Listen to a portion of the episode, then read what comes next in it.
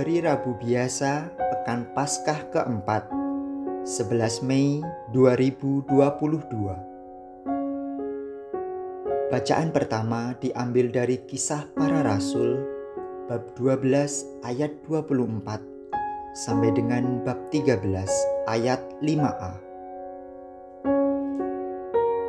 Pada waktu itu, firman Tuhan makin tersebar dan makin banyak didengar orang.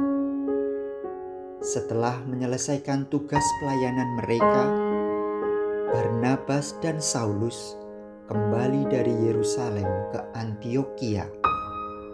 Mereka membawa Yohanes yang disebut juga Markus. Pada waktu itu, dalam jemaat di Antioquia ada beberapa nabi dan pengajar, yaitu Barnabas dan Simon yang disebut Niger, dan Lukius orang Kirene, dan Menahem yang diasuh bersama dengan raja wilayah Herodes dan Saulus. Pada suatu hari, ketika mereka beribadah kepada Tuhan dan berpuasa, berkatalah Roh Kudus, "Khususkanlah Barnabas dan Saulus bagiku untuk tugas yang telah kutentukan bagi mereka." Maka berpuasa dan berdoalah mereka, dan setelah meletakkan tangan ke atas kedua orang itu, mereka membiarkan keduanya pergi oleh karena disuruh Roh Kudus, Barnabas dan Saulus berangkat ke Seleukia dan dari situ mereka berlayar ke Siprus. Setiba di Salamis, mereka memberitakan firman Allah di dalam rumah-rumah ibadat orang Yahudi. Demikianlah sabda Tuhan.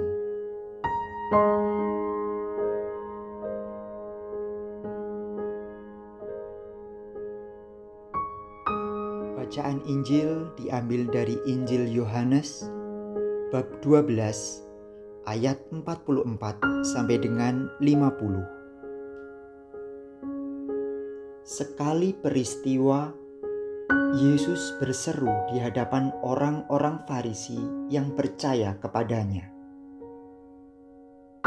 Barang siapa percaya kepadaku, ia percaya bukan kepadaku, tetapi kepada Dia yang telah mengutus aku. Dan barang siapa melihat aku, ia melihat Dia yang telah mengutus aku. Aku telah datang ke dalam dunia sebagai terang, supaya setiap orang yang percaya kepadaku jangan tinggal di dalam kegelapan. Dan jikalau seorang mendengar perkataanku tetapi tidak melakukannya, bukan aku yang menjadi hakimnya. Sebab aku datang bukan untuk menghakimi dunia, melainkan untuk menyelamatkannya. Barang siapa menolak aku dan tidak menerima perkataanku, ia sudah ada hakimnya, yaitu firman yang telah kukatakan.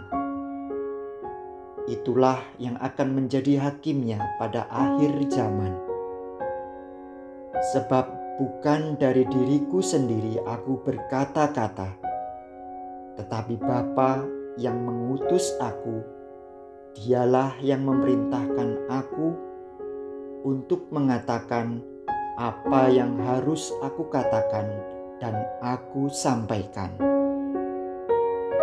Dan aku tahu bahwa perintahnya itu adalah hidup yang kekal. Jadi apa yang aku katakan, aku menyampaikannya sebagaimana yang difirmankan oleh Bapa kepadaku. Demikianlah sabda Tuhan.